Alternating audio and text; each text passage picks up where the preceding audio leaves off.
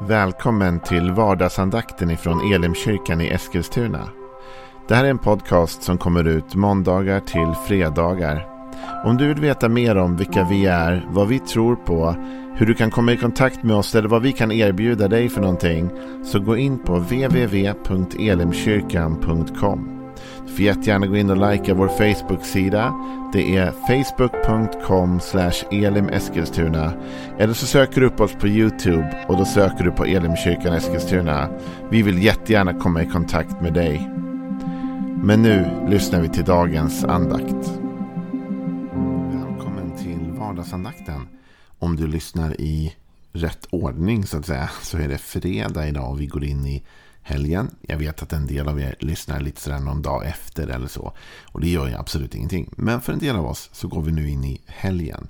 Och det ska bli lite vila förhoppningsvis och återhämtning. Och kanske du söker dig till en gudstjänst på söndag där du bor. Hoppas att du gör det. Det är en väl värd investering. Vi har kommit fram i psalm 37 då. En hela vägen fram nu till vers 35 och 36. Och står så här.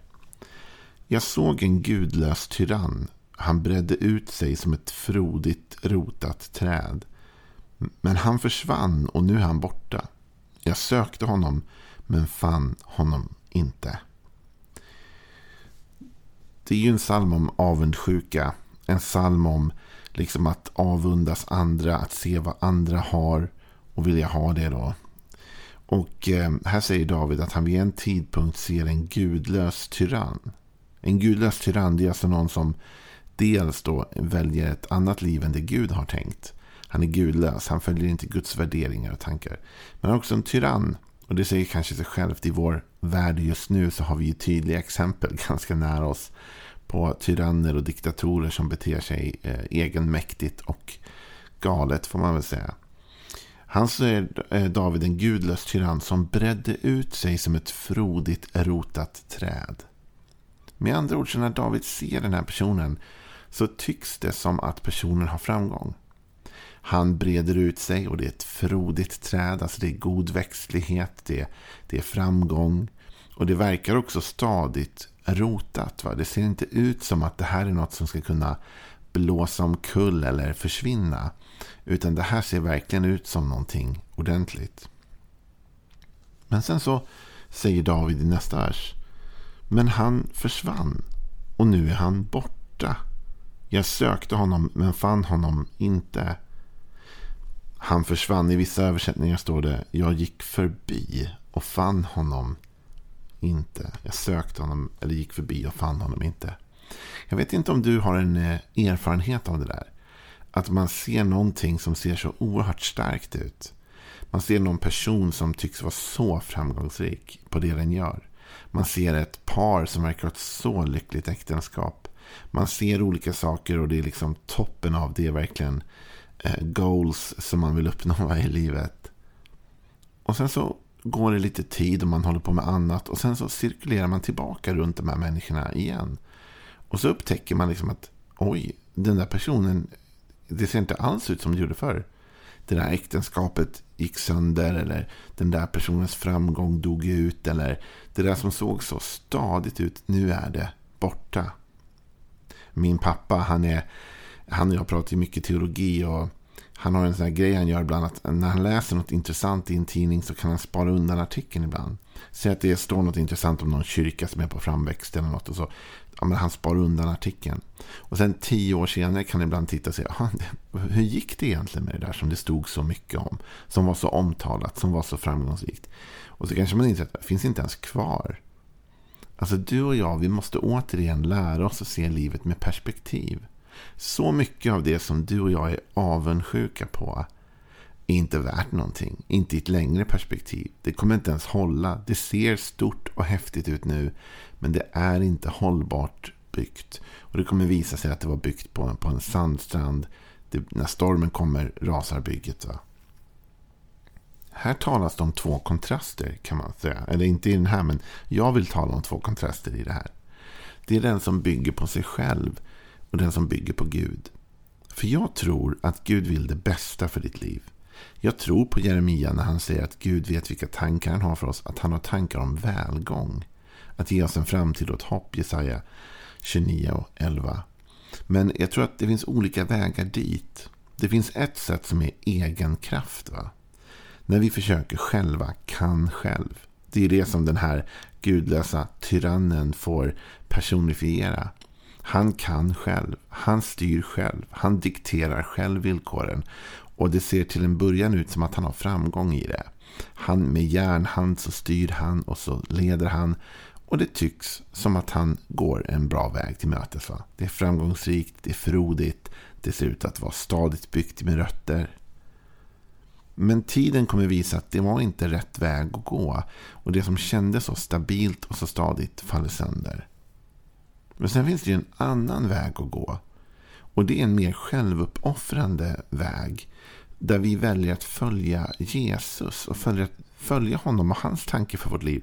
Och då kan det till synes tyckas ibland som att vi inte har så mycket framgång i alla lägen. Men i slutändan så lovar jag att det offer vi gör för Jesus både kommer bevara vårt hjärta och vår själ intakt men också ge oss god framgång. Jesus han är ju själv exemplet på det här. I kontrast till den här gudlösa tyrannen då, som byggde något så frodigt och till synes stadigt men som sen visade sig vara bara en fasad, ett luftslott som försvann. Jesus, när han talar om lite av den svåra tid han är på väg att gå in i, när han är på väg emot korset och lidandet och döden, så säger han så här i Johannes evangeliets tolfte kapitel och den 23 versen fram. Jesus svarade, stunden har kommit när Människosonen ska förhärligas. Jag säger er sanningen, om vetekornet inte faller i jorden och dör förblir det ett ensamt korn. Men om det dör bär det rik frukt. Den som älskar sitt liv förlorar det. Men den som sätter sitt liv sist i den här världen ska bevara det till evigt liv. Om någon vill tjäna mig ska han följa mig och där jag är ska också min tjänare vara. Om någon tjänar mig ska Fadern ära honom. Det här är en otrolig text. För det första så talar Jesus om att han är på väg mot korset. Men han börjar med att säga stunden har kommit när Människosonen ska förhärligas. För Gud Fadern ville förhärliga Jesus och han vill förhärliga dig med. Men det går ibland genom tuffare passager av lidande och utmaning och svårighet. Jesus säger om jag inte vill gå igenom den här döden som jag nu måste gå igenom så kommer inte Guds verk kunna ske i mitt liv. Så han var beredd att offra, i sitt fall sig själv, sitt eget liv för vår skull. Och så dramatiskt kanske det inte alltid är för dig och mig.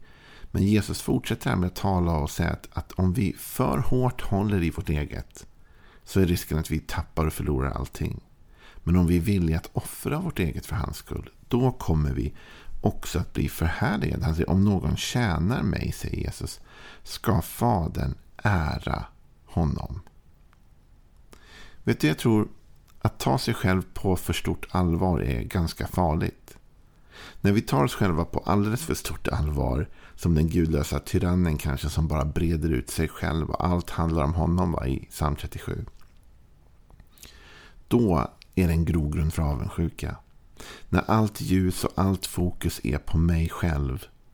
Då öppnar jag upp för alla möjliga problem och all möjlig avundsjuka att slå rot och växa till. Jag satt ganska nyligen i något samtal med någon person och jag tänkte när jag pratade med den personen att wow vad mycket egen fokusering det finns här. Det är liksom bara fokus på mig själv. Och det öppnade upp för alla möjliga konstiga grejer som hade hänt eller ja, var på väg att hända eller vad som. Jesus säger om vi låter oss dö bort ifrån vårt eget liv så är det bättre chans att vi bevarar det. Med andra ord, en sund inställning till oss själva gör att vi håller oss mer på banan. Va? Och det tar bort avundsjukan. Då behöver vi inte vara lika avundsjuka på alla andra. För jag har en sund grundinställning. Och min inställning är att jag vill tjäna Jesus med mitt liv. Jag vill ge mitt liv i tjänst för honom. Och då kommer han också att upphöja mig när tiden är inne. Bibeln säger faktiskt ödmjuka er under Guds starka hand så att han kan upphöja er när tiden är inne. Så det finns en tid av upphöjelse. Men det är inte vi själva som upphöjer oss utan det är Gud som får upphöja oss när den tiden och den stunden kommer. Det är den stora skillnaden här. Den gudlöse tyrannen, han upphöjer sig själv. Han sprider ut sig själv. Han bredde ut sig, står det i psalm 37. Känner du någon sån som breder ut sig själv och tar allt utrymme åt sig själv? Men Jesus säger så ska inte vi göra utan vi ska sätta oss själva lite mer i baksätet och låta Gud sitta i framsätet. Och ju mer Gud får leda och vi följer honom ju mer kommer vi sen få uppleva då välsignelse av detta. Det finns ju en sån berättelse i Markus 10 om en rik yngling som kommer till Jesus. Och Jesus, han frågar vad han ska göra för evigt liv och Jesus säger men först följ budorden och mannen säger ja men det har jag gjort. Då säger Jesus ja men ett saknas dig. Gå och sälj allt du äger och ge till de fattiga. Kom sen och följ mig. Och mannen han klarar inte av det. Det står att han gick sorgsen därifrån. Han ägde för mycket saker. Då uppstår det ett samtal mellan Petrus och lärjungarna. För Jesus börjar säga att det är svårt för den som är rik att komma in i himmelriket. Petrus blir lite upprörd av det här samtalet. Och I vers 28 i Markus 10 så säger han Petrus sa till honom Vi har lämnat allt och följt dig. Och Jesus sa Jag säger er sanningen Ingen lämnar hus eller bröder eller systrar eller mor eller far eller barn eller åkrar för min och för evangeliets skull utan att få hundrafalt igen.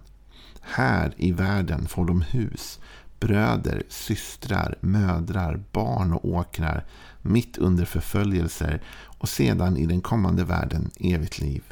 Men många som är först ska bli sist och de som är sist ska bli först.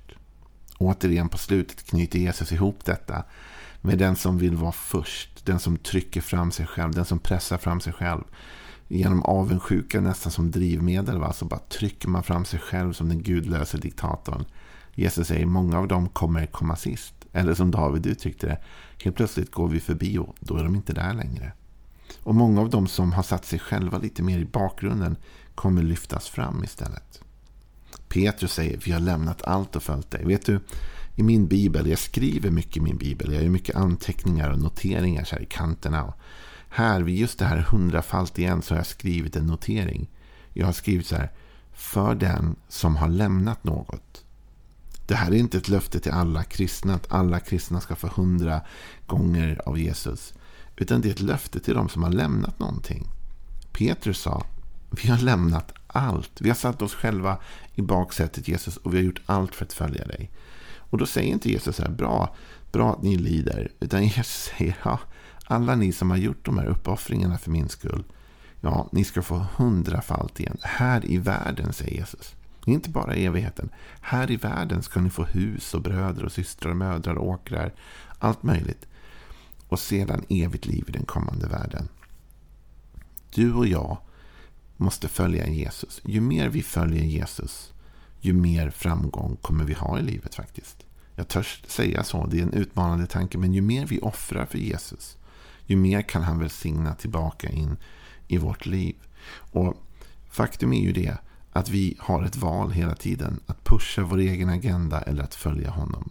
Och Det är bättre både för vår själ och vår självkänsla och vår självbild. Höll jag säga, att vi inte tar oss själva på så stort allvar att vi sätter oss själva i första platsen i vårt liv hela tiden. Utan att vi faktiskt kan backa undan och säga Jesus, du är nummer ett.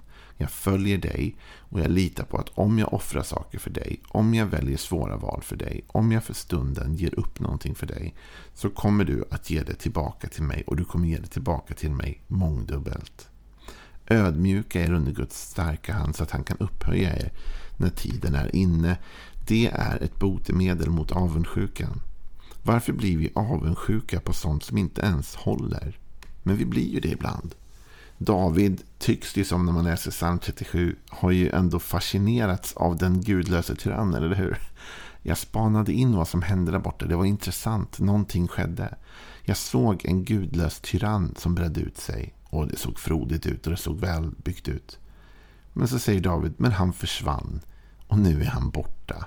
Jag sökte efter honom men fann honom inte. Låt oss fatta ett beslut idag, du och jag. Att inte drivas av vår, bara vårt egen framgång och vårt eget, liksom, eh, våra egna avundsjuka känslor och allt annat. Utan låt oss bestämma oss för att vi följer Jesus.